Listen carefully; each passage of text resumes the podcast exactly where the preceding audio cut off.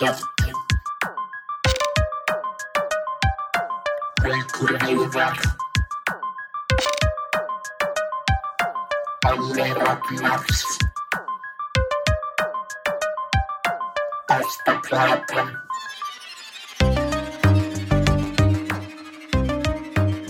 Komið í sæl og verið velkomin í bestu plötuna. Ég heiti Baldur Ragnarsson. Ég er upptökustjórinn í bestu plötunni og vinn hjá uh, vinna að mörgum öðrum þáttum innan kirkjunar. Besta platan Besta platan er samt svona hvað, næst elsti þátturinn í, í kirkjunni. Eh, Dómstagur, hann er elstur og þess maður geta síðasti þáttur sem fór í loftið að dómstegi, það var þáttur nummer 150. Búm, það var nú bara svoleiðis. Uh, ég veit ekki hvað, þetta er þáttur nummer 103 sennilega. Nei, 100, 104. Já, 104, já, 104. Þannig við stöndum nú okkur helviti vel hérna í, í, í henni bestu líka, sko. Nefna Snæbjörn, hann er auðmíki. þvílík framleiðslega sko. Já, já, já. Hjá mér eru tveir uh, gestir.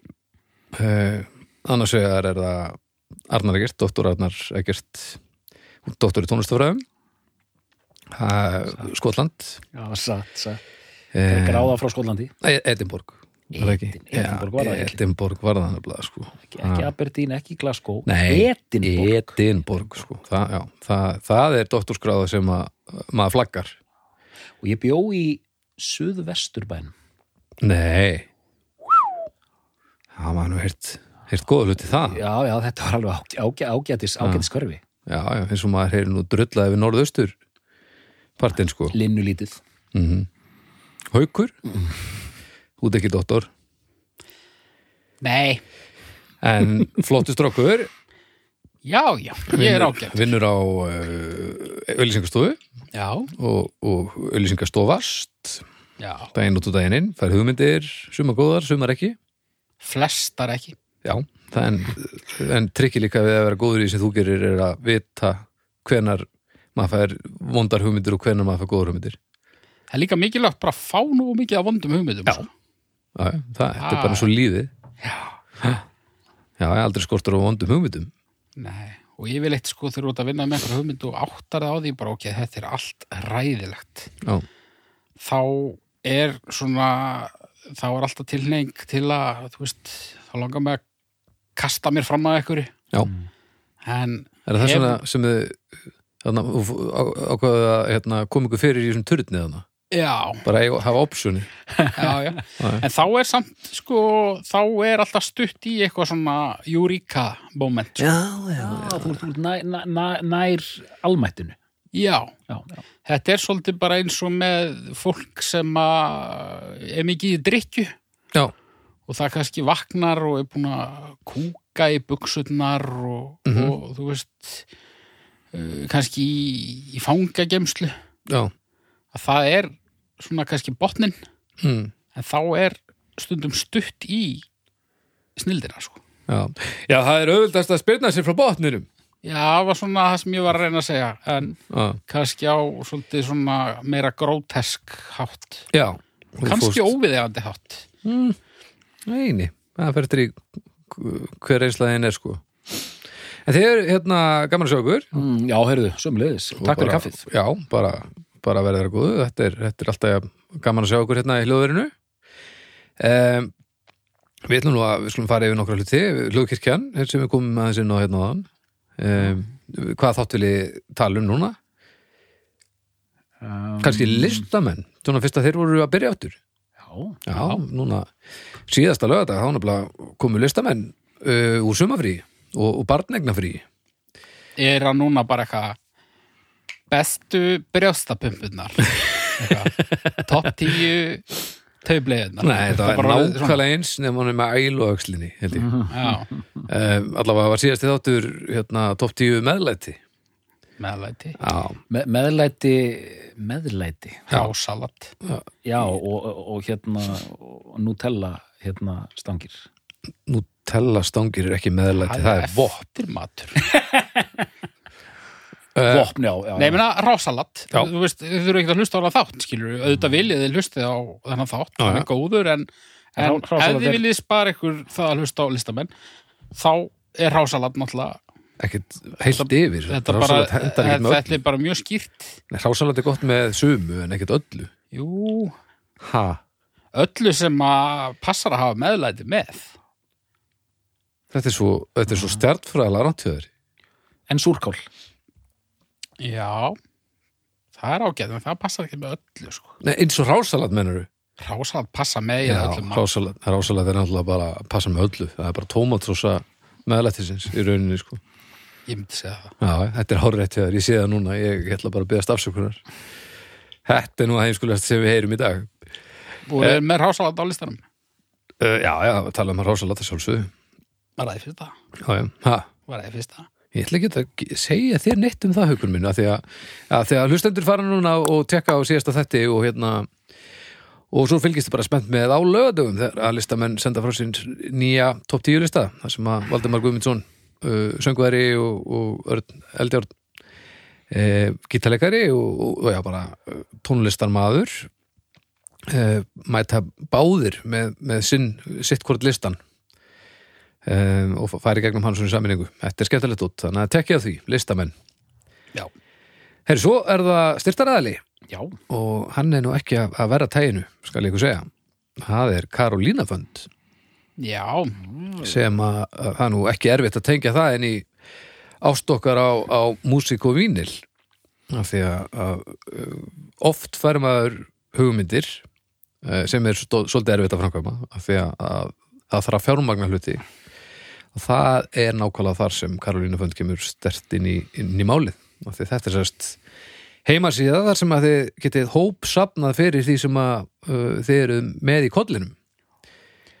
Já Og- ég, ég man eftir að sé listamenn eins og það hafi verið Reykjavíkudætur og MC Gauti sem Já, bara keirðu sína vínila þannig gegn Já, Selseven og, og Mammut mm -hmm. ef ég mann rétt Cell 7 vínillin er líka ógeðslega flott er ekki eðla lottur hann illa og djöðlar hann góður. Já, þetta er bara snill Svakalegt. Ég man bara eftir sætabröð strengjunum Mínum mönnum. Já, og svo náttúrulega beintengi kennin í kirkjuna, hann Flósi sem með mér í draugum fortíðar, hann var að hendi sína fyrstu sóluplötu og hann fekk nú aldeilis náða að safna fyrir henni og rúmlega það, hann fekk hérna bara ansi reynd hressilegt kvíðakast í kjölfarið af því að þegar maður er jafn uh, brotthættur maður og, og flossi, þunglindis og kvíða þá er velgengni líka ó, eitthvað ófyrirséð. Og það laðist nú ekki vel í okkar mann þarna rétt til að byrja með. En, en, en svo náttúrulega núna er að búa síðast inn að þetta er náttúrulega gríðalegt success sko.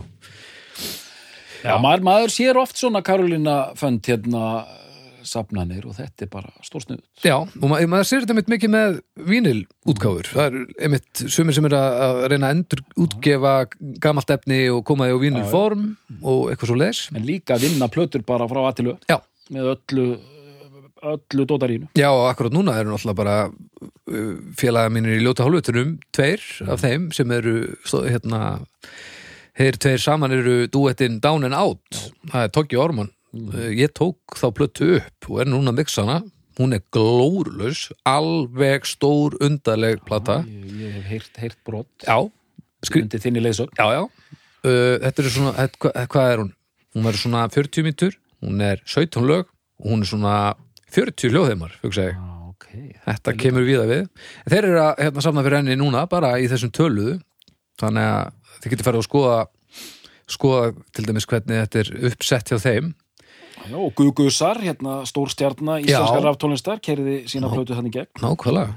Já, það er nefnilega að hafa, það hafa margir nýstur þetta. Ég hef gert það sjálfur með, hérna, reyndar ekki ekki beint músitengt en, en leikopur Lotta þegar að ég, ég var að, dröslast í því að koma saman Lottu appinu, þá söfnum við fyrir því inn á Karolina og þá er, já, formið á þessu er þannig að, að maður getur valið styrtar leið og þú fær bara mis mikið eftir í hvað þú borgar mikið og, og uh, það er ákveðin summa sem þú ætlar að, sapna upp í.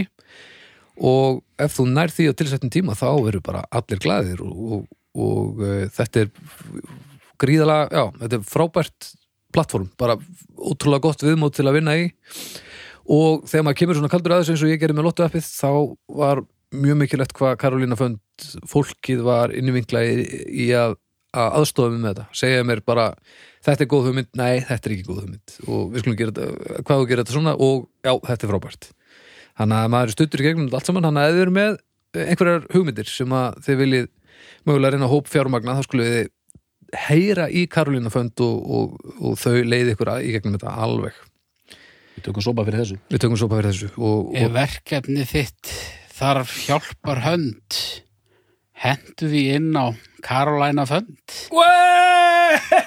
Hvað vorum við að tala um aða? turnin er að gefa já, Það voru kannski aðeins og mörg atkvæði þarna í lokin en, í aðeins, en ég menna ég get slípað þetta til og, já. já, já, ég menna þú, þú ert- gefur ekkit út fyrir að vera neitt bóluhaukur sko, þannig að þetta er alltaf leið Þú er komið þetta, hjálpar já, já, já, um, þetta er, þetta er gott rými sko. Og já, takk Karolina Fönd fyrir að aðstofa okkur með bestu plötuna og líka bara fyrir að aðstofa tónlistar fólkið okkar með að koma sínu dóti þann bara út og á materialist form eða hvaða form sem það er. Það er náttúrulega algjör snild að renna yfir þessa lista og sjá hvað við værum ekki með í höndunum nema eh, ef Karolina Fönd hefði ekki tekið þetta upp á sína arma sko.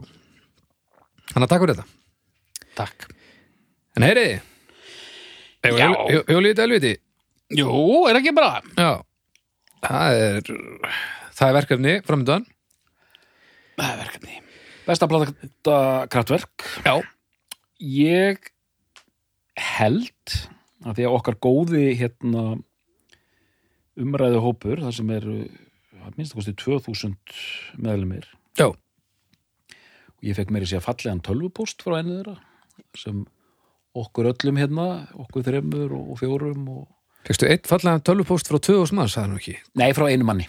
Já, nei, ég meina sérst, já, eitt falleg 2000 manns og eitt falleg tölvupóstur, það er nú ekki góða reyndur Já, við viljum, en þetta var alveg þetta var, hann var svo fallega skrifaður og samin Ó, og, já, ok. og, og aðilinn var svo þakklátur þetta var á, á við 20 pósta sko. Já, ok, og bara, vildu koma þess á framfæri hérna til þín og til þín? Já, til, og til snappa og bara þessi maður tiltók meðal annars bara, hann var í byrjað að hlusta á ákveðna hljómsveitir og fór að bóla kafi þetta og hitt og bara og þakklætið bara draup af hverju línu, ánað með þetta? Mjög ánæði með það Það er stutt að sagðan það er stutt að sagða Ok, næs Já, það er náttúrulega gaman að því að úst, ég sjálfur til dæmis ég, ég hlustaði ekkert á Talking Head fyrir en við tókum þáttinn sko. Já, ok, já, Nú er ég aðeins svona ég, ég kem, kem við helviti oft þess að það, svona upp á síkvæsti Þetta er eitthvað gott út geggjaf Þú nú eitthvað búin að vera að kynna að latta líka ekki? Jú, jú, enda Er þetta nappan á Spotify? Nei, hann sendi mér skilabóð um latta sko. Já, já Þetta, er- hann, hann kom upp um sig hann, hann var að hlusta á latta eftir þátt Já, ég var aðeins að tekka á Ladda sko. Ég er aðeins búin að, eins og ég sagði þetta, ég er náttúrulega aðeins búin að vandra ekki að Ladda svona í setni tíð sem er nú líka bara saga flestra held ég, því að þetta er annarkvort nostalgíumál eða en, eða bara, þú ert ekki lengur barn. Þú setur þetta ekkert á í matarbóði Nei, þú veist, nei, þetta er einhvern veginn ekki eftir réttar músíkin sem, sem að er svona mest gripið í, sko. En þetta, en þetta fattar maður bara, já, ég er ekki búin að tekka þessu og þessu og þessu, það er náttúrulega snildin við þetta líka. Og talandi um emitt hennan hérna, umræðu hóp þarna á, á fjasbókinni þar sem fór meðal annars mikill Dallas þráður í gang og, og, og hérna Sjúbidúa var mætt hérna með Dallas-vídeói.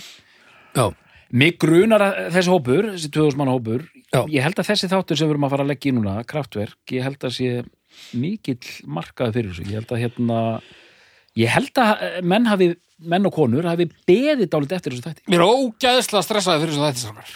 Ég er ekki að meika þetta sko. Nú ok, ok. Nei, þetta er, þetta er, uh, þetta er svona fyrsti svona stress þátturinn minn sko. ok. Og ég er ekki einu svona með, með þetta sko. ok, Arnar kemur akkur með ertu svona stressaður fyrir þessu? Þetta er bara eitthvað sem verður að gera rétt sko. já, og það er engar ágjur þá að seppilín nei, nei.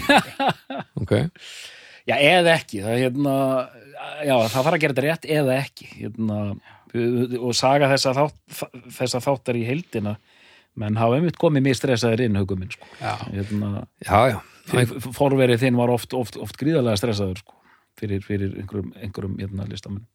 Við þurfum bara að byrja á þessu helviti Ég ætla að segja En það. ég er alltaf pollur og lugur Ég, ég, ég er búin að vera hérna, kvíða því að byrja að tala um þetta en ég held að það sé lækningin. Já, já. hún er þar. Já, já, þetta er alltaf að opna sig um hlutina sko. ég, eins og ég segi, ég held að uh, menn hafi beðið þessu þætti að því að nú ætlum ég, uh, að því við vorum að tala um kraftverk hérna. Mm. um, þetta, er, þetta er svo mikil undirstað þess vegna er haukur svona stressaður. Þetta, ég ætla að segja það hérna fyrir utan bílana þá er ekki til neitt öflugra og áhrifaríkara band í allri, gerfallri dagur, dagulega tónlistinni ef það væri ekki fyrir kraftverk þá væri raftónlistin, hiphopið, öll tölvu músík væri ein- ein- einhvern veginn öðruvísi Já. ef hérna, þessir brautriðendur hefði ekki komið til sögunar og á ég ekki bara byrja þess að rekja þetta haukur minn? Jú, og þú kemur inn og þú, og þú líka Baldur. og þú líka Baldur. Sko, hljómsveitin sem er svolítið skemmtilegt við, við kraftverk og hvernig þeir komu inn í poptónlistan á sínu tíma, ég er aðeins að hlaupa fram fyrir mig mm. það er svolítið merkilegt með þetta að þetta er svo langt frá sveittum uh, hérna uh, baðmullar blues frá bandaríkjónum Já. þú eiginlega kemst ekki lengra frá því sko. þannig erum við að tala um hvíta Excel eh, ka- kantaða menn Já. frá Dusseldorf í Þýskalandi Mm og þetta eru þetta það er allt mjög þýst við hljómsveitina kraftur finnst þér? um, eh, þeir keira þetta áfram þarna upprunalega og nú er ég bara nú er ég líka farin að leggja bara hérna gráðið. Þeir hérna Ralf, að því ég ætla ekki að vera að festa mig kannski mikið í forsögunni af því að það er svo mikið sem við þurfum að pæla. Ok. Eh, Ralf Hutter og Florian Snyder mm. þeir, þetta kemur úr svona listaskóla kreðsu í rauninni já, Þetta voru stúdentar hérna Karl-Heinz Stockhausen. Karl-Heinz Stockhausen bjóð til svona nútíma tónlist ok. Og ekki bara hann bjóð til nútíma tónlist hann var líka mikil svona teoristi hvað er músík, hvað getur músík gert? Og, og svo framvís og, og þessir kallar eins og John Cates sem gerði þarna fagnarverkið Silence Já, já, já, því já. 14 Mhm. allt þetta, þeir sitja einhverja kursa hjá honum þessir félagar. Ok.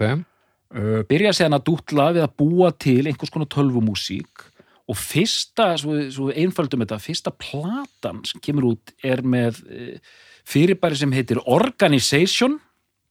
Ok. Platan heitir Tone Float og kom út árið 1969 og 69 níu. Og takið nú eftir landsmenn góðir að ég var einmitt að hugsa þetta ferill kraftverk og þetta er líka mjög þýst þetta er allt mjög svona stig af stí það er svona mín kenning. Og kenningin sem ég er að fara að setja hérna fram að því ég valdi hérna Computer World sem bestu plötuna já, er að þessi þróun hafi náð hápunkti á þeirri plötu. Og síðan getum við kontesta það hérna eftir. Ok. Fyrirgefðu. en, en hérna tónflót, uh, hún kemur út í júni 70 Nú, já. Eins og ég var að segja, í júni 1970. já, já, fallega byrja hann nú getur þú slakað á ég, Doktorinn setti löppina í munnin. Ég fór ekki svona langt aftur sko. nei, ég hérna þorðið ekki? Nei, ég bara uh, ég bara vissi í rauninni ekki einu svona af þessu sko. Ég hérna uh, ég fór aftur í bara fyrstu sjálf nefndu plötuna þeirra sem kemur hvað, 72 eða eitthvað, hvernig kemur hún? Ha, nei, hún er 70 er, er kraftverk 1 er hún 70 Er, er þetta á Wikipedia að tónflót sé 70 og fyrsta sé 70? já, ok, Þetta er alveg viss. já, þú veist já, ég get alveg lesið tölur þú veist, en, en ég ætla náttúrulega ekki, ekki að fullir að þetta sé ekki vittlust hjá Viki, en þetta þetta getur alveg passa Allavega, 70 og þá skulum ta- tala þessu um þetta hérna hefur þú hlustað eitthvað á þessar plötur, Baldur, þessar fyrstu kraftarplötur ekki þannig ég geti talað eitthvað um það sko.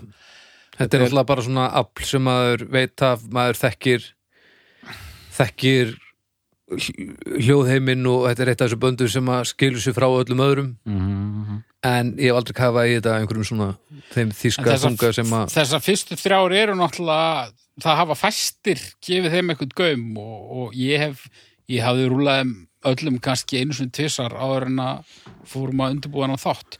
Uh, spilar auðvitað inn í að, að hljómsveitin hún gerir fólki bara viljandi erfiðara fyrir með því að þetta er ekki á streymisveitum þetta hefur ekki verið endurútgefið.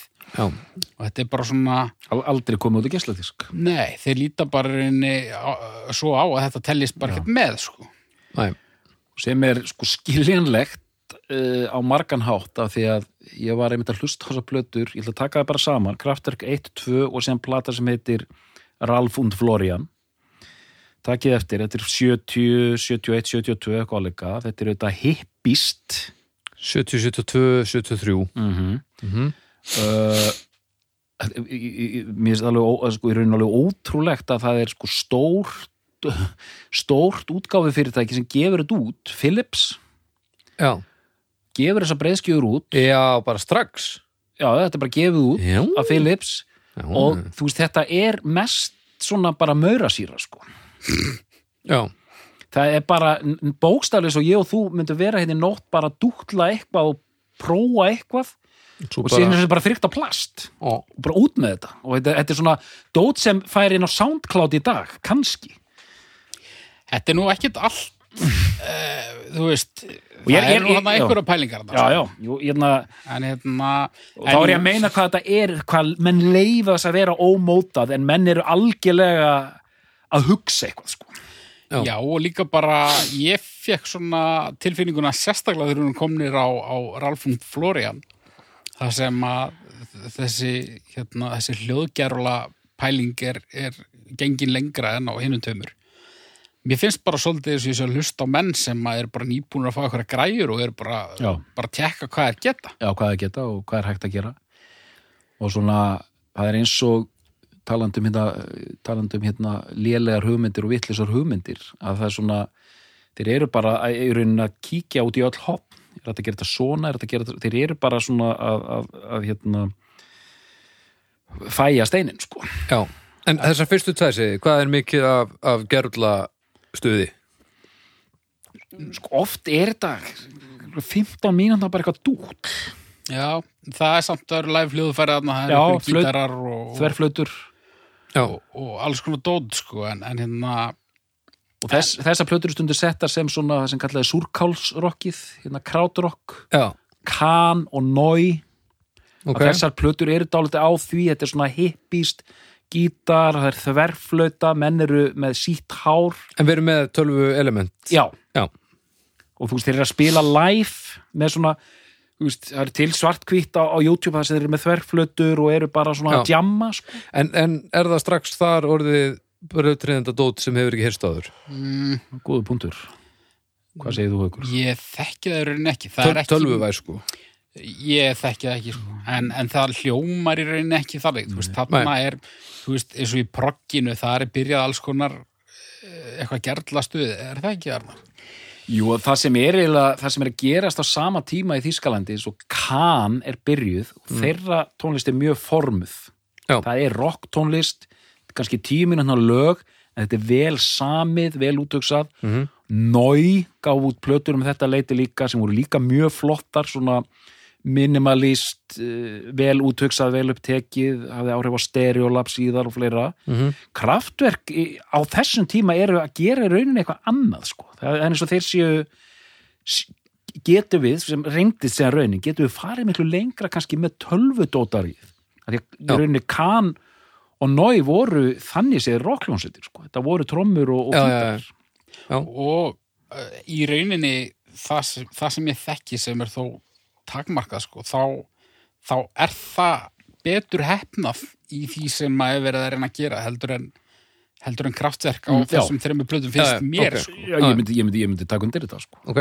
en, en þú veist, ég held að þarna séu þeir ekki byrjaðir að smíða eitthvað hljóðfæri Nei, þeir eru ekki konir alveg í. Nei, en, en ég, ég verð þó að viðurkenna ákveðið já. á þessum, þessum alveg upphafs árum sko. Já, já, við erum með 1500 mannsinn á grúppinu sem leiður þetta En síðan, síðan, svo, síðan byrjar og þetta er, þetta er eins og oft í þessum þætti þetta er kenningi mótun Mm. Já, einmitt, eins og þetta er svona graut, graut þetta er svona hræri grautar, þessar plötur menn hafa oft tekið þessar ljósmynd sem er utan á Ralf und Florian sem dæmi um hvernig þetta var að þróast að þar er hann hérna uh, sko, Ralf er en, hérna Ralf er með svona sítt hár og hippaglerugu alveg eins og auðli Já, á meðan hérna, uh, á meðan hérna Florian Snyder, blessu sér minning hans mm.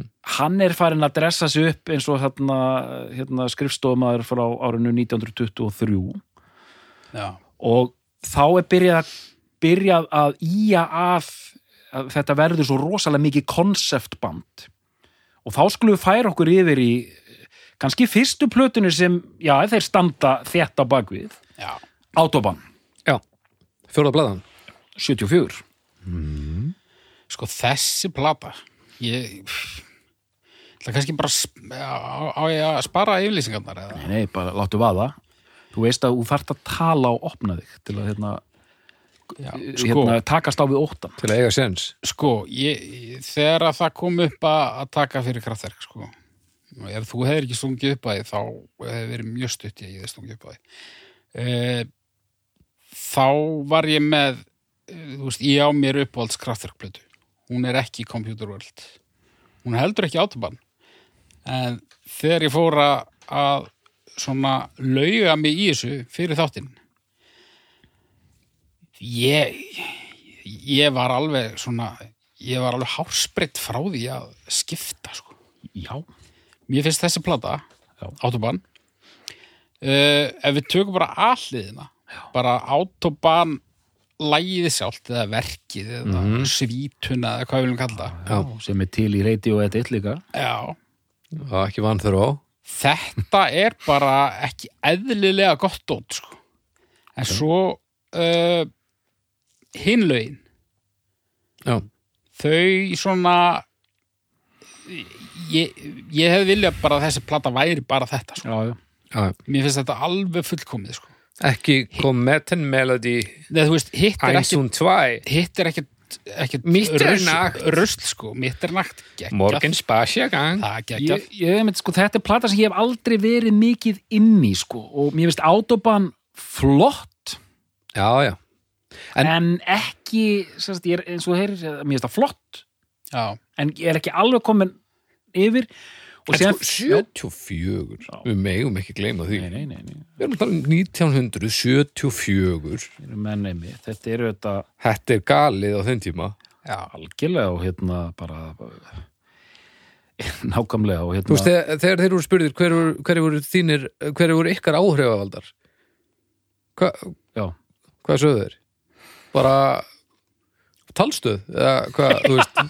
Örgulega bara Stones Bara og, og eitthvað þannig sko. já, þetta, þú veist, nei, já, já, ég, ég held djóklaust að þeir hafi ég hafi lesið það eitthvað tíman að, að þeir eru með svona að ákveðinu leiti hefðbundna áhrifavalda sko, bílana og eitthvað þannig. Já, en svo dettur náttúrulega örgulega inn eitthvað. Þeir sögðu sko í einhverju sko, þeir voru að tala um áhrifavald einmitt að hérna sem þú heyrir í, ein, í einhverjum mæli að þið- þú veist einmitt, þeir eru svona futurískir horfa til framtíðar mm, með, með lappirnar í rockinu líka en þú voru að segja líka bara svona gömul þýsk dægur músík foreldrana. Hann sagði það, það er að eina sem þeir þekktu sko. Já, eina sem þeir gátu svona vísað í einhvern veginn sko. Mm og hefna en ég minna eins og með já, talstöðar hérna, ég er svona já, ég get ekki ég get, ég, eins og ég segi hlið tvö er svona hefur aldrei kveikt neitt í mér skilur með en bara þetta við ættum kannski að tala þess um það. Ég meina hvað er að gerast í heiminum? Að hann kemur alltaf inn í hljómsveit frá Þýskalandi og, og, og lægið er um hraðbrut -hmm. og er eins og hraðbrut það er kannski það sem verið að búa til tónlist sem einhvern veginn pikkar upp. Og er, þú veist, hvað er það, 20 mínútur eða? Já, 20, hvað alveg 20 plus sko. Já, og væntalega 22-43 ár, já. bara eins og hraðbrut En sko, mér finnst hlið B, hún, hún er, þetta er gott dót, sko, en, en mér finnst það bara svona, mér finnst ég, í samburðunum já, ég við- hefði bara viljað hafa þetta svolítið aðskilið, sko. já, já, já, og kannski er hérna og hjálpið mér með þessa kenningu að það sem kraftverku þetta hefur alltaf verið hugfangin af er þessi tengsl hins lífræna, manna já, og véla já, já.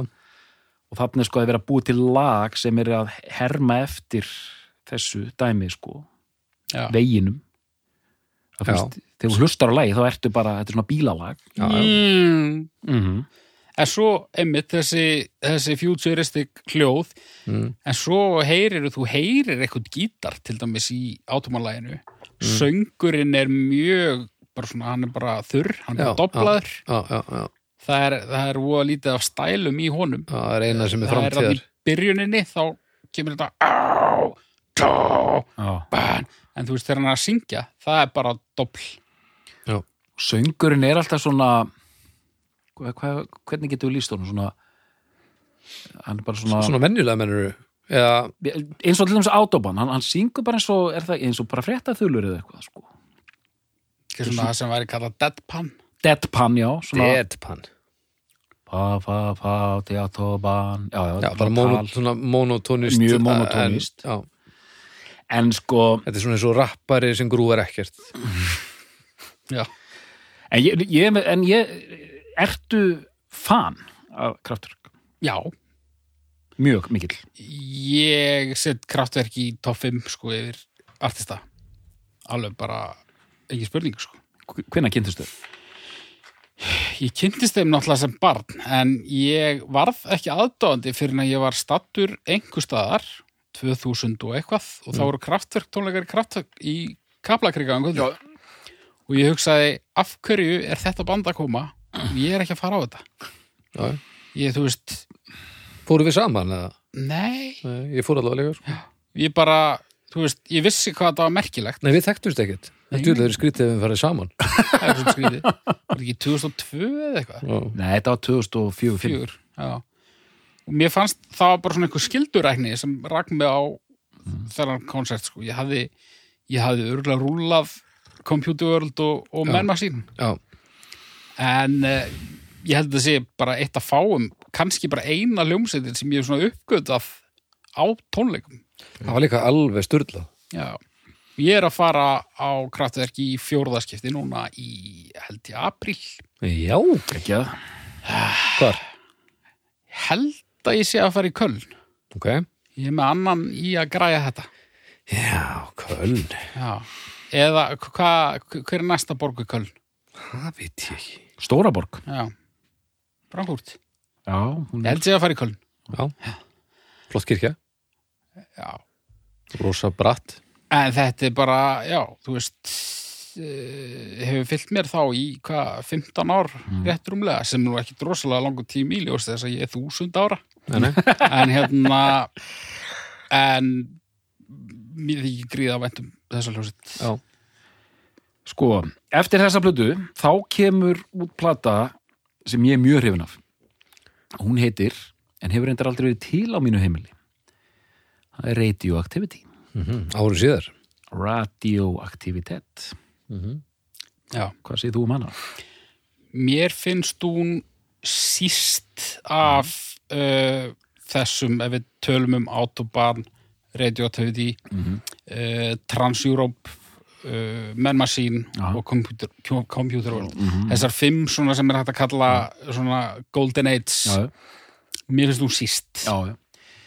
Mér finnst eh, í einhvern veginn, Titilagi er frábært. já, já, það er svona melodist, hann er kannski farin að syngja aðeins meira að mitt. Radioactivity. Þetta er bara svo vögguvísa, sko. Ég er svo alls ekki léleg, sko. Nei, og, og, en hún svona ég ég er alveg sammála, sko, hún er en mér, mér, fyrir mér eru hérna fyrir mér eru plötunar alltaf að verða betri sko. þannig að ég, ég myndist taka hana fram fyrir þessa þannig sko en, en sko þarna eru þeir alltaf að færast nær því að fara að búa til það sem við getum kallað poptónlist Já, veist, og þeir eru alltaf að skera niður, slípa og þú veist, þetta er, þetta er, er alltaf verið að gera þetta meira kompakt sko. það voru ekki allir sáttur við uh, radioaktivity þegar hún kemur út sko. það voru einhverju blandaðir, sínus mér eitthvað, Já, ok. eitthvað mixt tilfinningar gagvartinni Já, ég, ég man ekki hvernig þetta var hvort að, að menn hafi eitthvað verið ósáttir við að þeir verið að syngja lof til hérna gesla úrgangs eða eitthvað leika sko. Já, áfram geislaða virkni geislun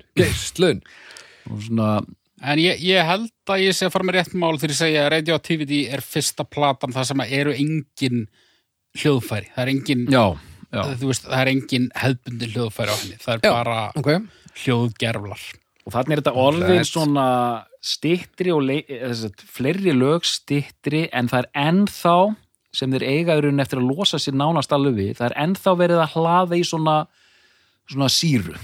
Getur, þú veist, það kannski kemur eitt lag já, sem er bara eitthvað algjörður sko. Þú veist, þannig. En ok. síðan er líka, það er eitt lag þarna og við megum ekki gleyma því að því að fólk gleymi sér stundum með kraftverka því að þetta er svo háheilagt eitthvað. Mm. að þetta er þetta gríðarlega mikil húmor í gangi þarna líka sko. síðasta lagið á Radioactivity heitir þarna Om Sweet Om. Hei Grallarar. Já, já, það er grall, grall, svo grall, sko. það er svo fyndið. Og þetta er ekki eina dæmið um þetta og, og þú veist komandi frá þessum mönnum sem eru náttúrulega búin að skapa sér þessa ímynd bara að þeir séu hálfgera vélar. Já, já, Já, já. þú veist en hérna já. Þeir- ógilegt Þeir virðast að nota vókóturinn í fyrst skipti þá á Autobahn. Mm, já, Þannig að hann er ekki að koma hann er ekki að koma nýr inn þarna. Nei. Ég held ég sé ekki ljúga því. Heru, ég, að því vókóturinn er alltaf rosalega afgerandi element. Nú bara, nú, nú þekki ekki munn á vókóter og öðru, þú veist, en það er náttúrulega þetta á, tó, það er þessi það er þessi vélræna rödd sem að þú sem að þú sagt, syngur syngur röddina þennan inn í mikrofón en þú spilar á hana hljóma. hljóma eða eitthvað þetta er það sem að Imogen Heap sem hún var að gera og, það er náttúrulega bara autobahn byrjar þannig sko. já, og, og þa þannig getur þú haldið niður í einum tón og sungi hvað sem er og það heyrist bara og það bara haggast ekkert sko Já. og þá kemur þetta yfirgengilega vélræna e, hljóð sem byggir samt á þessu náttúrulega e, inputi sko, sem að röddin er sko. Pælið samt í hvað er magnað að þeir voru alltaf að vinna að því að gera þetta einhvern veginn vélrætna en samt, samt, þú veist, var söngurinn yfirleitt bara alveg já, streit eða Já. þannig, þú veist, ég meina við förum bara nær nútímanum, bara, þú veist, das model, mm, það er alltaf la la, bara, þú veist, já. það, þeir, þeir ganga einhvern veginn aldrei of langt í þessu, finnst maður. Sko ég er með smá sögu svona til að fyll- út í þáttinn. Ok. Uh, 1991 já, ég er 17 mm og ég er alltaf að kaupa Melody Maker fræðast um minna nýbylgju uh, rock punklónsveitir já akkurat þá var að koma út platan The Mix mm Já, sem er frábær. Ég elska hana, ok, já. þú ert ekki saman Um, mér finnst eiginlega alltaf skemmtilega að hlusta á orginal Já, já, orginal. útgáfurnar, sko. en hérna, hún er skemmtilegt upp á brott. Já, já, já, er þetta bara svona rýmastering Svona- eða svona, svona endur hljóðblöndun á lögunum sko. þeir eru bara að remixa eigin lög rýmixa, já, já. sem sagt, þetta er ekki bara hljóðblöndun heldur eða bara Nei, já, vera já, það er Já. einmitt þetta er bara nýju taktar og, Já, og já. bara alls konar skemmtilegt sko Já. og alveg vel hefnað sem slíkt en, en hérna En í tengslu sagt við þessa plötu þá er hlaðið í tónleika og þeir eru að fara í viðtölu og svona Mhm. þá var ég að lesa um ég, ég þekkti nafnið en ég var að lesa um hljómsveitir í fyrsta skipti já, og ég held þetta væri bara eitthvað djók sko ég, ég, ma- ég man kannski eftir hafði séð þarna, þarna Electric Café plötuna og maður bara vissi ekkert hvað það var almennilega Mhm. síðan er, drítast inn hann að greinar í Melody Maker að þetta sé bara besta hljómsveit í heimi og la la la la la þannig ég hérna, hugsa, ég þarf að tjekka á þessu sko. kaupi þá þessar tvær plötur Trans Europe Express og Man Machine Mhm. í plötu, plötu versluninni þrumunni á laugavinum Mhm. sem er rétti hókus pókus pikka þetta bara upp á einhver 200 kall. Fer með þetta heim. Og bara byrja bara að hlusta og bara gjörsamlega koll fjall fyrir þessu sko. Mm. var bara svona ég bara gafti, bróður minn kom inn og ég held ég að vera hann rugglaður sko. Hló mikið að mér hlusta á hlusta á þess að fáránlegu tónlist sem hún að vissuleiti var uh, hann átti síðan eftir að verða miklu meiri kraftverkmaður heldur en ég. Alveg ko- kolfjall sjálfur. Og bara upphafslægið á Trans-Europe Express hérna Europe Endless þetta er bara ennþann dag í dag að því að maður hlust, setur þetta alltaf á við og við sko. Þetta bara svona flórar mig svo ég hérna sletti sko. Já, algjörlega ótrúlegt dæmi sko, bara hvernig það byggt upp sko, hlaðið á, þú veist fleiri rásir og svona og dun, dun, dun, dun. Og sem bara ferðu að staði eitthvað fer, ferðalag og að maður tala ekki um lægið Trans-Europe Express sem er svona autobahn bara nú ertu komin í lest en ekki, ekki, ekki bíl. Mm. og hugsið ykkur sko það er eiginlega grunnurinn laður að tveimur bara genras á einni plötu. Það er bara hip-hopið búið til Mhm. Trans-Europe Express Mm. og þegar Trans-Europe Express breytist í hann metal on metal Já, þetta er bara svona industrial músík sko. bara já. náibátt en bara Em, gjörðu þið svo vel hérna er skapalónið ykkar sko. já, þessi plata er í rauninni svona kannski autobahn á röngunni þess að þarna er sko bjelliðin í rauninni hálger samfella mm, mm, mm, mm, það eru öll mm, lögin bara eru í rauninni sama lægið þannig séð með einhverjum uppábrótum og Endless, Endless er svona kallast á við Europe Endless og svona er ekki Já. rétt, já Jú, já, ég tek því þannig klálega en, hérna, en, en alliðin er líka svo gríðalega góð og hún, mér finnst hún ekki stinga í stúf sko. Nei, nei, ég- mér finnst hún sko, mér finnst þessi plata rúlla fullkomlega en ég og bróður minn sem voru miklir við vorum bæði að hlusta á Trans-Europe Express og Man Machine Já. Man Machine er miklu svona strömlínulagari að það eimir enn af, ég ætla að henda þessu punkti inn og endilega mótmæli mér.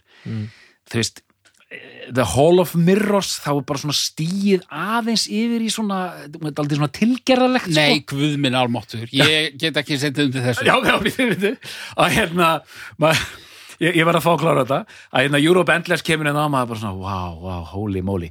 Sem kemur bara svona svona eh, svona displaced hippa hérna listræn hérna rúmensk mynd frá árinu 1981 nú er komið fram fyrir mig sko manna, veist þetta step, Even the greatest star áfram. Eh, eitthvað Find themselves in the looking glass. Glung, glung, glung, glung, glung, glung He stepped into the hall of mirrors and he found glung, glung, glung, glung, glung. a reflection of himself. Mér sé að ég, mér, þetta er of mikið fyrir mig of mikið arti í menna dæmi sko. Þetta eru upp á slæðum með, með kraftur Búm Þetta eru upp á slæðum með kraftur og þetta eru upp á splata með kraftur og nú Og- þarf ég að taka stræt á heim. Og ég var sko hérna, já, klálega og eins og ég sagði áðan ég var svona aðeins farin að efast en svo en svo bara þú veist, svo bara hlustaði ég var allan okkur sinnum og ég var bara alltaf mest gladur þegar að Europe Endless byrjaði. Dung, dung, dung, dung, dung, dung, dung, dæmið. Og bara svona kom sælubros. Vast að efast í þessu ferli um að þetta væri besta platan? Já. og, og hver, já, var það Autobahn sem var mögulega skáka? Það var mögulegt, já. Um, hún var líklegust, sko. Um, Computer World er þarna skamt undan. En þú er að útskýra fyrir mér hérna Akkur The Hall of Mirrors er uppáhalds kraftverklæðið Það er bara svo... Það, sko, ok. Kaltæðnislegt að þú hefur verið að kalla það tilgerðalegt. Ég get eiginlega ekki líst í nema að verða ógeðslega tilgerðalegur sjálfur, sko. en það bara fer með mig á eitthvað svona mjög speysaðan pínu illan stað sko. Mér er svo, er svo merkilegt með þetta, Europe Endless sem eru svona fullkomi lag. Showroom Dummies vera ógeðslega flott svona pop lag og svolítið svona svolítið skeri sko. Já, mér finnst alltaf, mér er alltaf þóttið Hall of Mirrors vera svona millispil sem kemur aðeins svo fljótt inn. Það hefði kannski verið betra sko á, á, á, á hlið B sko. Já Þetta er, þetta er bara svona lag sem er bara það er bara stemning. Já, já, já, já, þetta er eiginlega ekkert lag þannig séð, þetta er eitthvað stef og stemning og hérna En, en það er mjög gott að fá þennan núning. Það eru allt brjálað núna á umræðhófnum sko. það er, það er eitthvað svona það er svo hættulegt. Þetta er hættulegt lag. Ég upplýði það ekki með mörg krafturklög það er þetta og það er uh, The Man Machine titillægið já, já, já. þú veist, það er svona já þú ert verður, maður verður pínur hrettur, smekur já, Sko, Já. nú bara hérna eldsnögt bara því að nú er ég ekkert sérstaklega vel að með í þessu. Eh, Music, til dæmis á þessari plötu það er hú- húter skráður fyrir öllu og snætir með honum í einu lagi. Já, Er hann bara er hann bara hundurinn? Nei, sko, húterinn er kannski svona hvað ég var að segja, er, er, er, er, er húterinn McCartney og, og Snyder Lennon eða hvað? mm, já Hann var þetta í, hann var svona, ágætt, hann var svona efri millistjett, hann hérna, hann, hann, hann kostaði bandið, sko. Já, Snyder. Já, já, já, ok Hann var sonur einhvers ríks, svona, hann, hann, hann keift alla græðunar. Já, hvað segir er, hutt er skráður fyrir öllu og snætir með honum í einu já, í lokalæðinu þú veist, Þetta er svona, en ef, hérna, ef við snúmum þessu við og, Hérna. og Hutter hefði hætt og Snæder hefði haldið áfram að keira þetta batteri það ég er ekkit viss um að ég hefði verið að kaupa það jafn mikið sko. mér finnst Hutter hafa svo mikið tilkall til hljómsveitarinnar mm. þetta er svona líka, En eins og með Autobahn Mm. þar er sagt að þeir hafi samið alla músíkina saman já, og hérna stendur reyndar á, á Trans-Europe Express album concept, album concept and production by Ralph Hooter and Florian Snyder. Já, Þetta er líka svona í böndum eins og Deephead's Mode. Hérna, hann semur allt hérna, hann hérna Martin Gore.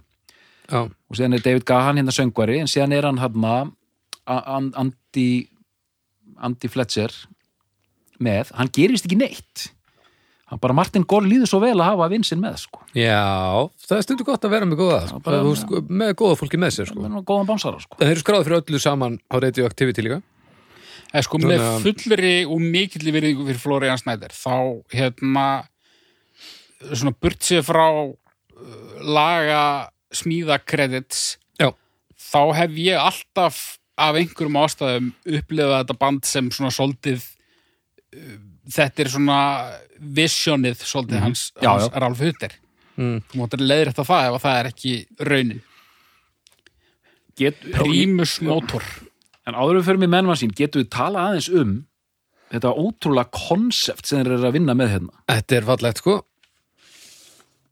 þetta er svona aðeins eh, svona Hitler Youth sem Já, að já. voru aðeins of lengi svona eins og þegar fólk eru of lengi í skátunum Mjög gott, mjög gott. En þú veist, það sem er svo merkilegt við þetta, þetta er, þetta er retro futuristic. Já, já. Þetta er fortíð og þetta framtíð. er svona pastelframtíð sem er ótrúlega en ég meina allar þeirra blöður eru það Já, já En bara svo ég, ég hérna, haldi áfram með ég er bara búin að skoða hverjir eru skráðir fyrir lögunum sko Já. Og næstu plötu þá er það Bartos og Húter sem eru skráðir fyrir öllu og Snæder í þremur reyndar bara af sex mamma sín að mamman sín, já. já. já Þannig að, höfum náttúrulega ekki minnst á, á Bartos og, og Flur Já. en hérna þetta er svona þekktasta lænupið er ekki Hutter, Snæder, eh, Bartos og Flur Nú, 77 Trans-Europe Express, uh -huh. geggjastöf, frábær plata, mm, 78 The Man Machine, já, sexlaga plata, þetta er mest cool platan. Ok, þetta er mest uh, ágerandi platan visual. Já, hún er svona, Þetta er platan sem fólk veit af þó það veit ekkert um Já, kraftverk. Hún er svo, þetta er Che Guevara bólurinn bara. Þetta er bara það. Já, hún er svo hérna þétt. Já, það er búið að skera allt í burtu.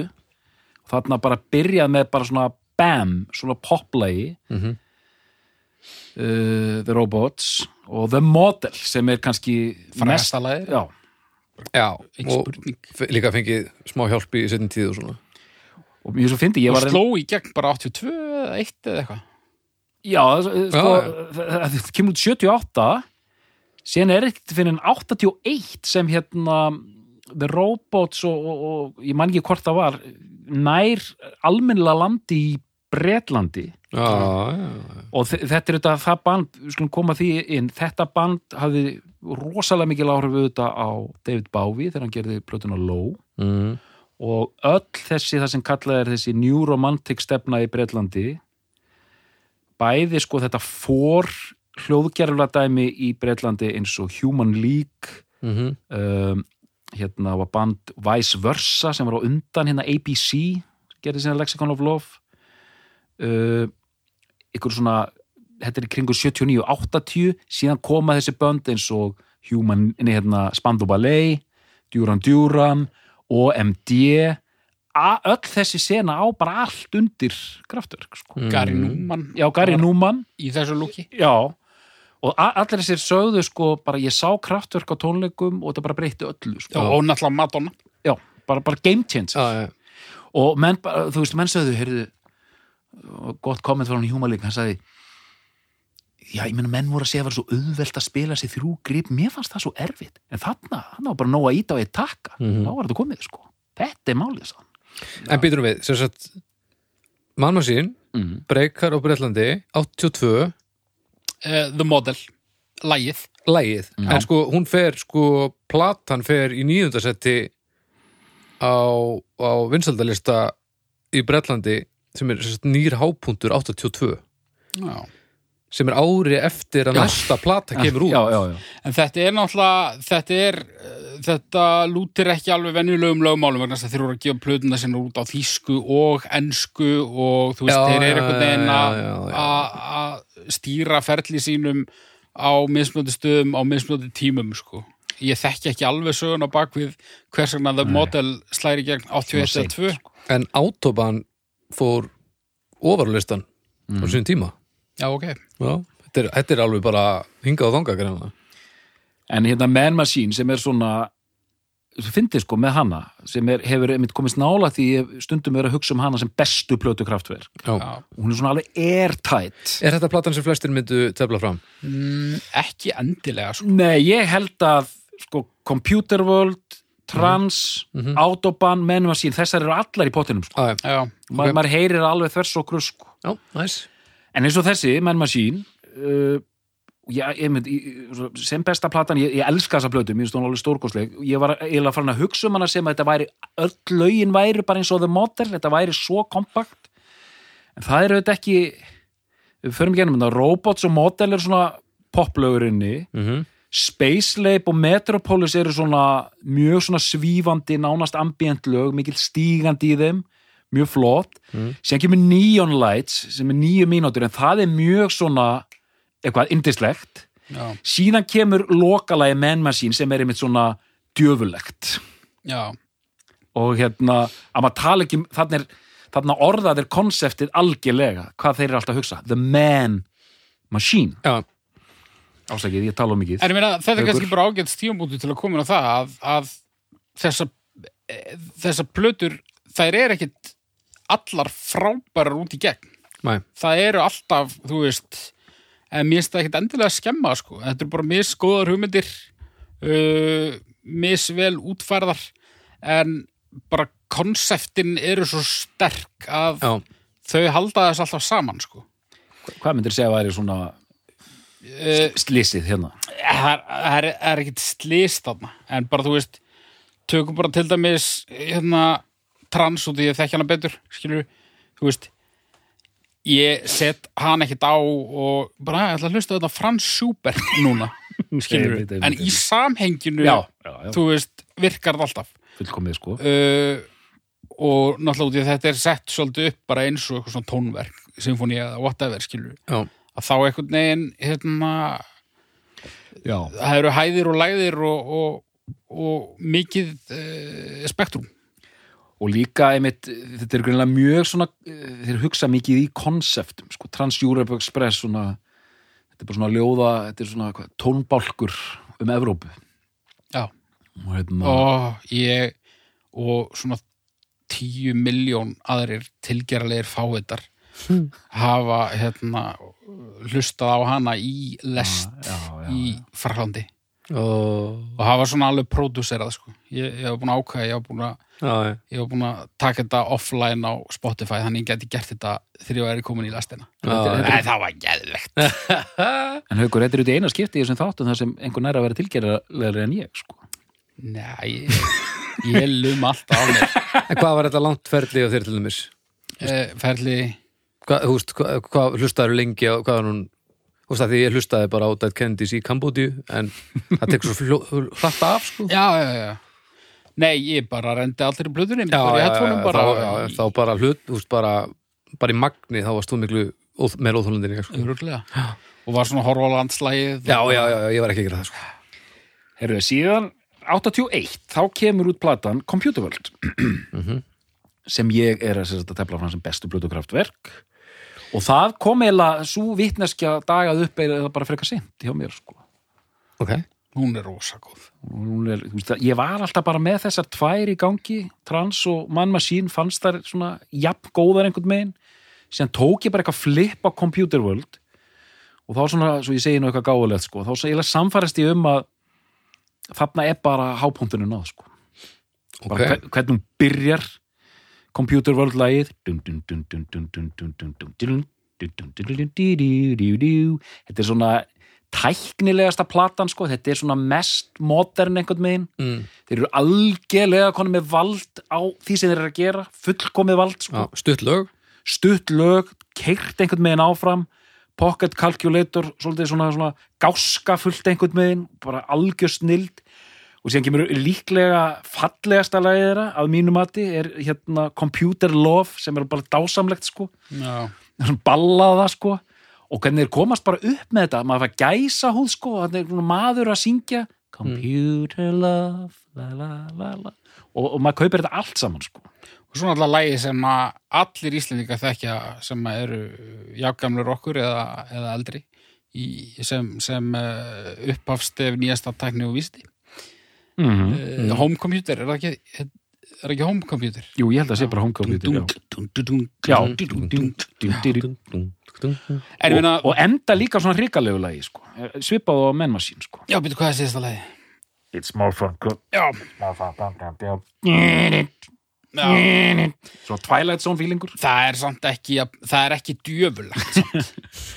en hérna En hvernig finnst þér plata? við veist þú frábær og hún líka sko hún ég ætla ekki að segja að soundið á henni eldist betur en þú veist hún er svo þannig er þessi tækni bara komið miklu lengra. Þannig að hún einhvern veginn uh, hún er þetta er rosalegt sko. Hann er hérna við erum hérna að skoða Við vínurblöður erum að skoða hérna nærbuksunar á Mm. Computer World þetta er rosalegt sko. Glæsilega myndir á okkar mönnum sko. framtíðin er núna það er bara þannig. Þannig eru náttúrulega bara komnir bæði með færnina og tæknina í að gera framtíðar tónlist sem hljómar eins og framtíðar tónlist Nákvæmlega. og hún er hún gerir það best. Þeir náttúrulega reyna að taka þetta lengra á plötunni þar á eftir en, en uh, það er ekki alveg.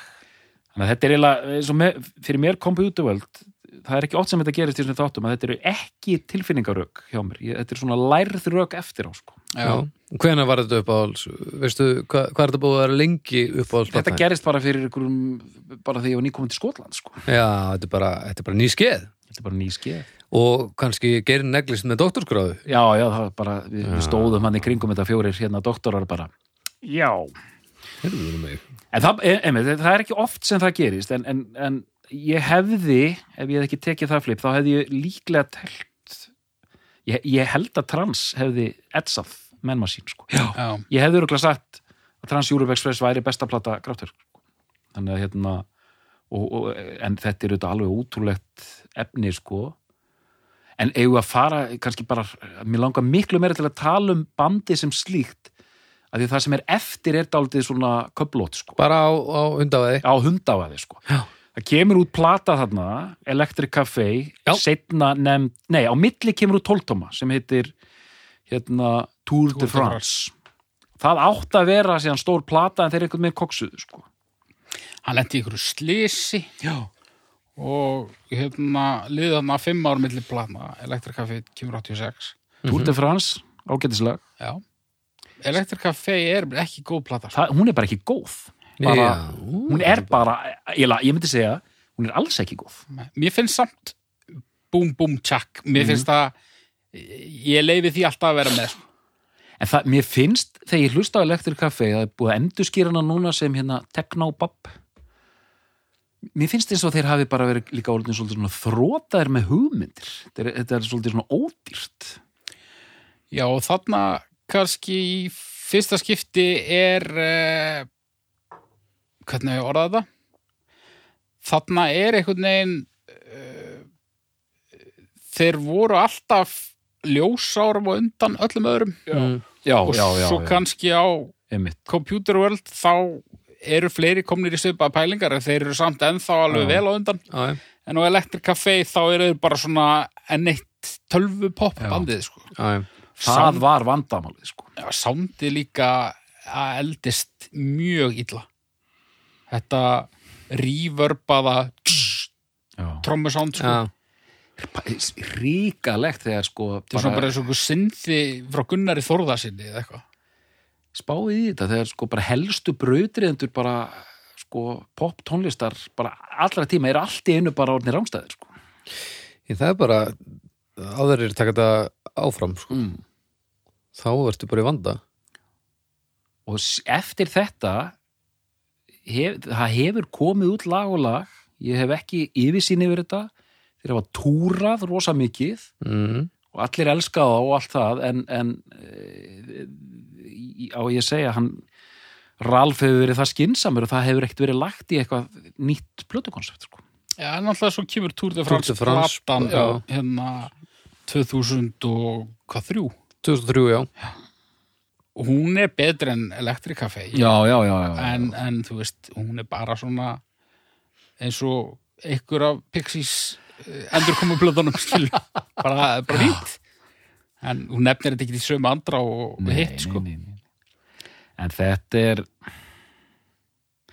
en þetta er svona svolítið saga. Þetta er, þetta er saga kraftverk og hérna Já, en Tour de France fekk samt fína dóma sko. já, já, hún, er, hún er alveg ágæð sko en hún er, hún er bara, hún er ekki groundbreaking eins Nei. og allt hitt út sko.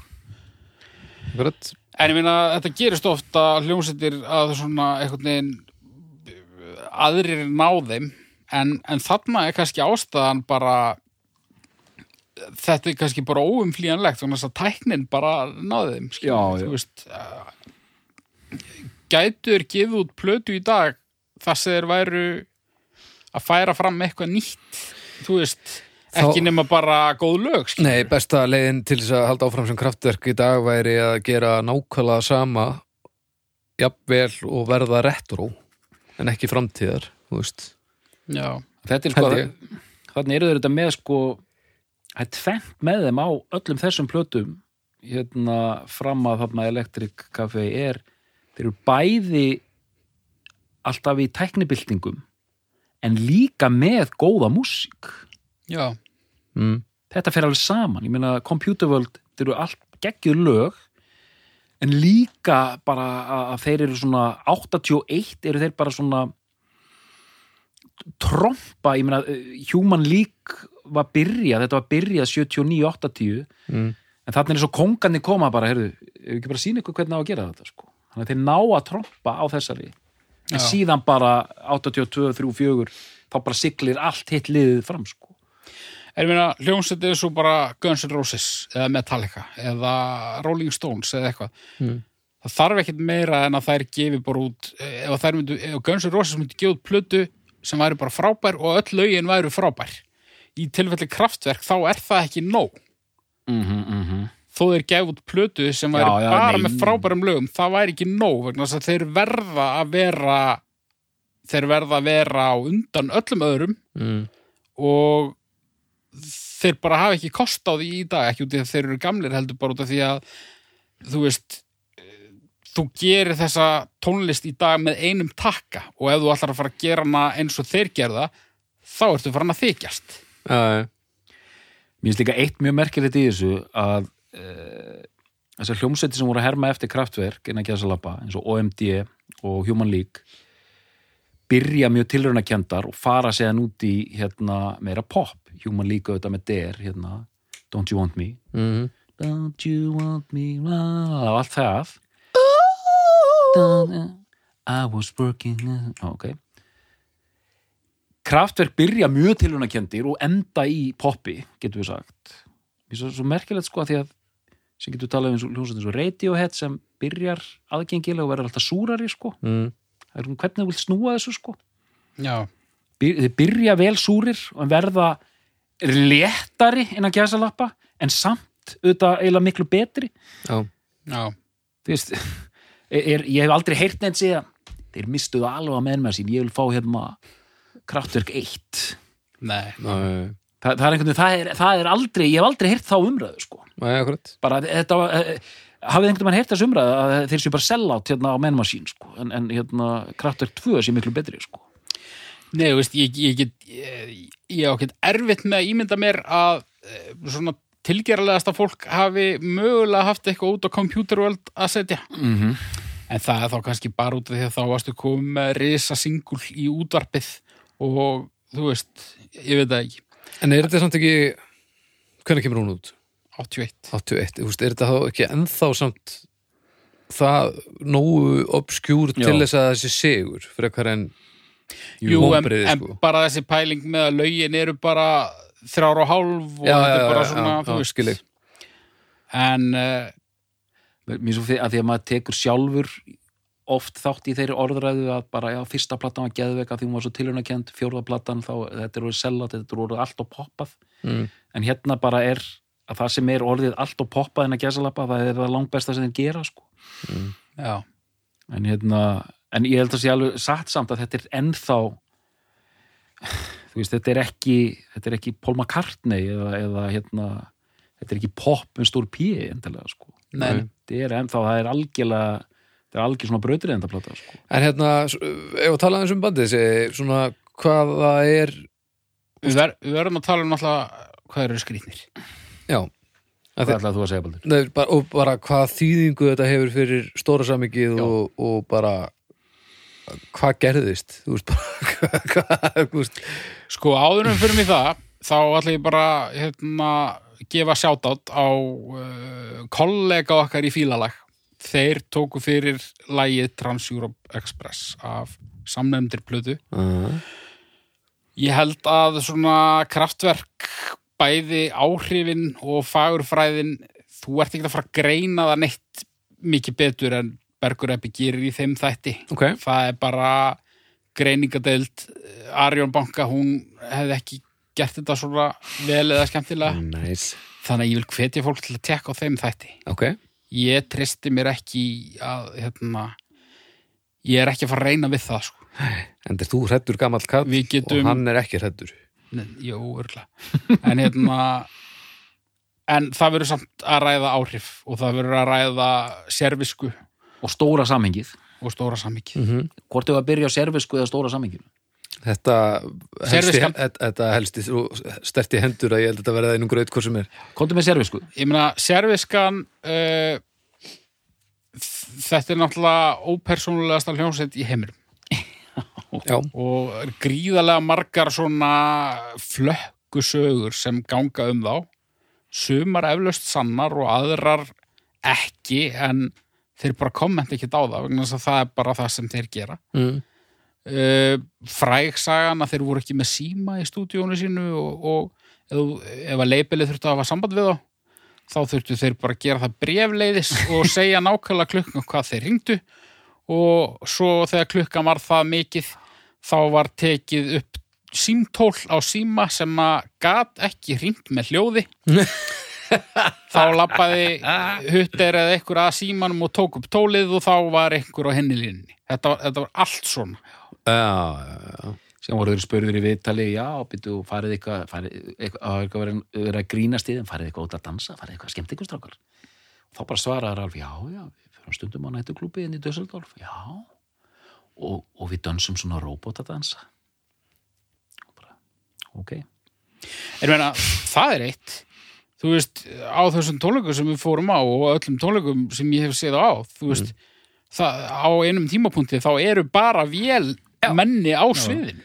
En- það er bara uppklappið þá eru þeir bara Þeir eru bara komnir heim á hótel. Þetta er snill það eru bara róbótar að taka síðasta lagi Græði þetta bara.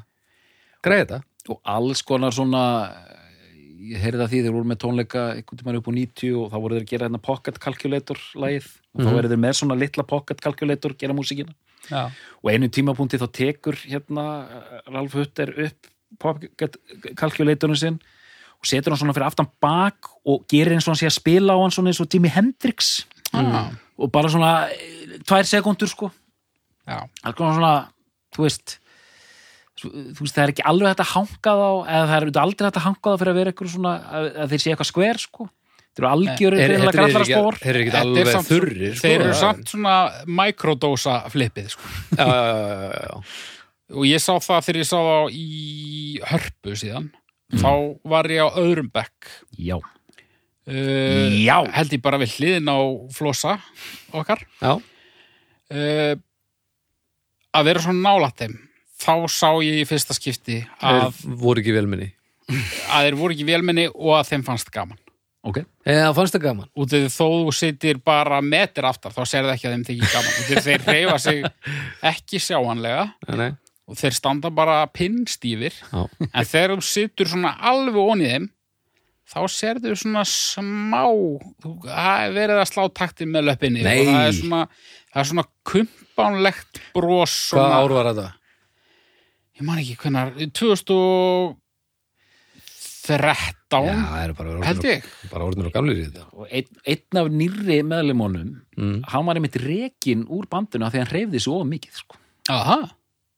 hann, Ég var of, hann var of hress Já, rekkan en sko í hörpu þá tók ég mest eftir þessu hjá huttir já, ok Hver á að rekka hann líka?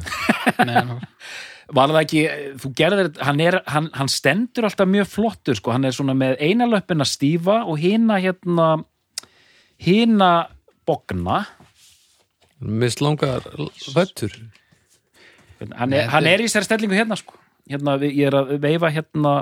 Já, já, já, já, já, já. hann er með eh, sagt, eh, hann er með hægri löppina beina og hina svona fyrir framann sko Djöfull er fyndið hvað Frans Ferdinand hafa reynd að vera kraftverk nema bara allt hvað var það músíkina já. allt hvað var það lúk og lappa uppstillingu og... En sko, þetta er líka band þú veist, ef að það kem út 5000 síðna bara tell all bók bara um bara allt um kraftverk bara allt sem að þeir vildu aldrei að þú vissir mm. Ég myndi lesa það en ég myndi urlega sjá eftir því um leið og ég er búinn Já. út í að maður vill vita en maður ætti ekki að vita nei, ég mitt, ég mitt út af því að það er svo rosa stór hluti af haldi, í dölóðina Já, Já. já, já, já. Nei, Skil ég. nákvæmlega, maður vill ekkert þú maður sjá einhverja myndir innan úr hljóðverinu sko, maður vill hafa þetta að því þetta er eiginlega eins og draumur sko, eða skáldsaga sko. Já.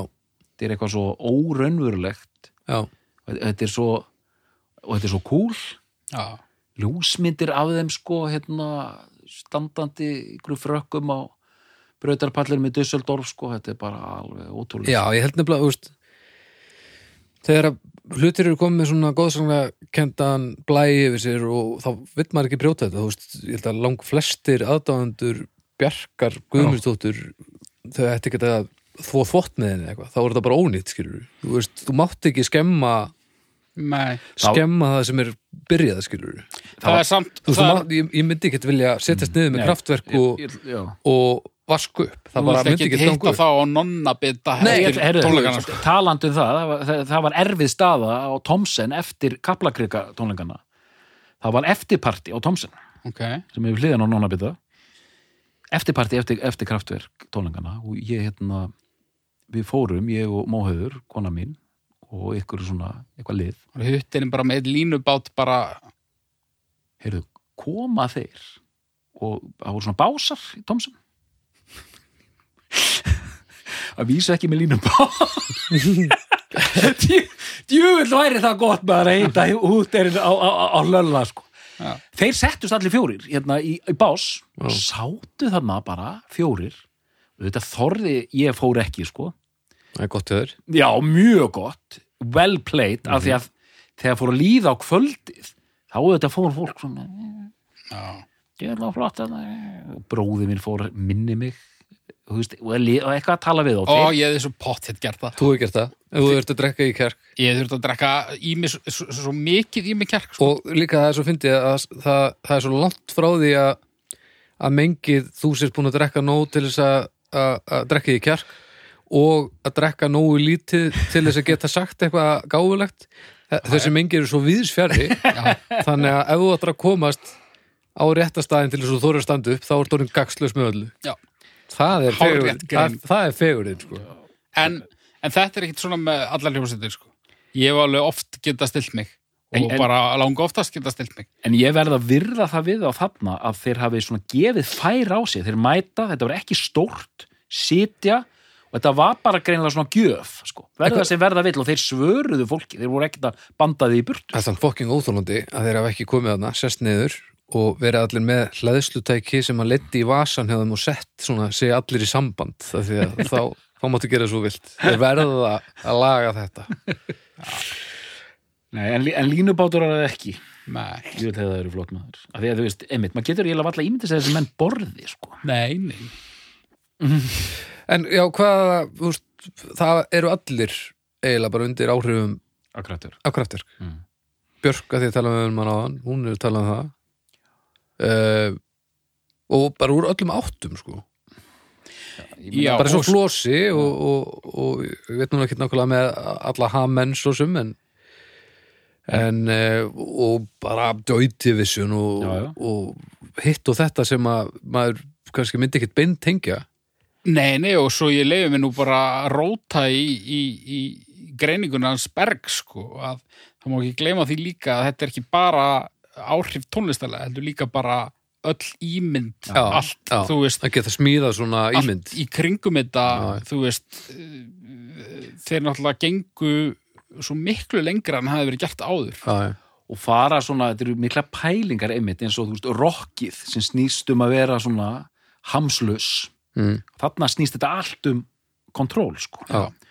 og einhver leikur að auðvitað, sem þeir gerur með svona tungu upp við tönn, hérna tongue in cheek, hérna þeir eru auðvitað að gera grína sjálfum sér líka og þessari ímynd sem fólk hefur á Þýskalandi. Þetta sé svo hérna, rúðustrikað allt saman sko. Og, og þú veist, en merkir þetta með þetta þú veist, að vera viltur og sveittur og, hamslaus og, og hérna koma þeir bara í hérna, tölvukallar í, með, með skýrt og bindi sko. en ég ætla líka að segja auðvitað hlaut einhvern tímann að koma því þegar tölvuðan fundinu upp ein, þú veist það, e, e, það hlaut að gerast að einhver myndi nota tölvur til að búa til tónlist og þetta eru þeir og þetta eru eh, toppanir í því sko Mm. getum ímyndað okkur einhvern annan heim þar sem sama hefði gerst og hljómsveitin héti bara eitthvað annað sko. já. Ég, þetta er alltaf svo skrítin pæling sko að hérna getum ímyndað okkur þú veist, heim án kraftverk en þú veist, ég held að þú veist uppfinning tölvunar hlaut að leiða það að sér að tölvur yrðu notaðar við tónlistarsköpun. Það er það sem ég er að já, reyna að auðla hérna út af mér. Það En ég meina hljómar það, það, er bara svo, það er bara svo mikilvægt að það hafi verið þýskir menn sem að leittu þessa byltingu. Það er svo og, fallegt. og þeir byrja að smíða drast Já, þeir eru, þeir eru alveg lú- lúðar lúðar. Algjörlega, ég meina þetta, emi, þeir búa pælt, búa til hluti til þess að taka þetta út sem þeir eru farnir að heyra og sjá hérna í hausnum, sko. já, og taka ekkur, ekkur, eitthvað sem er til og breyta því og, og eru Já. bara, þú veist, hversu langt og, færari rafvirkjar en allir í, í, símaskráni sko. Já, og, og, en hversu langt er þannig til einhverjir aðrir eru konur í sumum pælingarsegi? Er það þarna upp úr 80? ábyggilega að því að sko Þannig að þeir eru langt á undan öllum öðrum helviti lengi. helviti lengi sko. Og en það sem gerist auðvitað 81, 83 þá kemur fyrsti geisladiskurinn út á markaði já, 83 þá er fundin upp ykkur tölvukubur sem ég kann ekki að nefna mm, þannig að mjög hratt einmitt 83, 4, 5 þá eru bara fullt af hljónsundum að fara að gera áþekka hluti sko. já, og, og, á miklu einfaldari móta. já, og þetta gerist, þróun er oft mjög hröð sko. Bara með 1-2 ár þá er þetta bara komin á sama stað sko. Þannig að þeir voru skildir einhvern veginn eftir. Mér er svo merkilegt að hugsa um þetta núna þetta með þarna elektrik kafé þegar, þegar í fyrsta skipti þegar kraftverk átti ekki erindi. Nei, mitt. En þú veist, uh, áttu samt ágæti svona, eh, ég meina, það er kannski bjútíð við þarna The Mix, að það er svona, fara er uh, þá svona klúbavæða þeir svolítið katalógin bara, Mm, eins og það sem var í gangi 91 já, já, og, og þeir einhvern veginn komast upp með það sko. já, hún heldur sko, komir óvart ég sett hana og hún svona hún er ekki hallarsleg sko. Nei. það er bara einhvern veginn virkar. Þú veist hefðu við geta reynt þetta þú veist, með dubstep fyrir sjö árum, Já, já, já, skilur ég er ekkert sem að það hefði virkað. En, en þetta var svi- svipuð tilraun. Eða sett dýrahljóð í staðan fyrir mannsrödd já. Nákvæmlega. Heyri, já, ég ætla að vera að kalla á uppgjöð. já, ég er ekki fara að segja neitt meira viti. Haukur, við byrjum þá á þér. Heru, uh, Arnar velur stór kostlega blötu uh, ég sko ég hefði getað tekið uh, lærða approachið Mm eins og hann gerði. Ég hef innistæðu fyrir því en á endanum reði þá úrslitum bara hvernig mér leið þegar ég hlustaði á uh, það sem var og er uppáhaldsplatan mín með kraftverk sem er Trans Europe Express. -hmm. og uh, ég held mig við hana. Uh, það skemmtilegasta við þess að yfirferð var það átópan hún Já.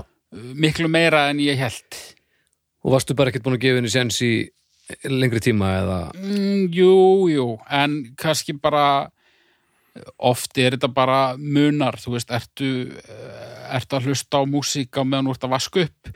Eða ertu að reyna að finna út hver er best og setur þetta í eirun og ferð út að labba eða eitthvað Já, já, já, það var bara eitthvað þannig moment þar sem ég bara svona náði að hlusta á hana alveg mjög Já. bara afmarkað.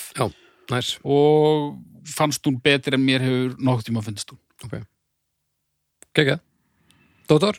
já, ég bara fagna því að eh, besta platan sem búin að taka kraftverk fyrir þetta er Mhm. bara eins og framhugum komið þetta er bara útrúlegur hortsteinn í svo mörgu besta platan þeirra eins og framhugum komið að mínu mati og, og eftir að tekið eitthvað flippan um til Skotlandi er Computer World þar sem þetta einhvern veginn kemur allt svo dásamlega heim og saman og já ég læt það vera lokaorðið mín Já. Þannig að Dóttor er þetta besta plata kraftverk. já, Haukur er þetta besta plata kraftverk. Nei Við þökkum fyrir í dag og við heyrumst að viku liðinni.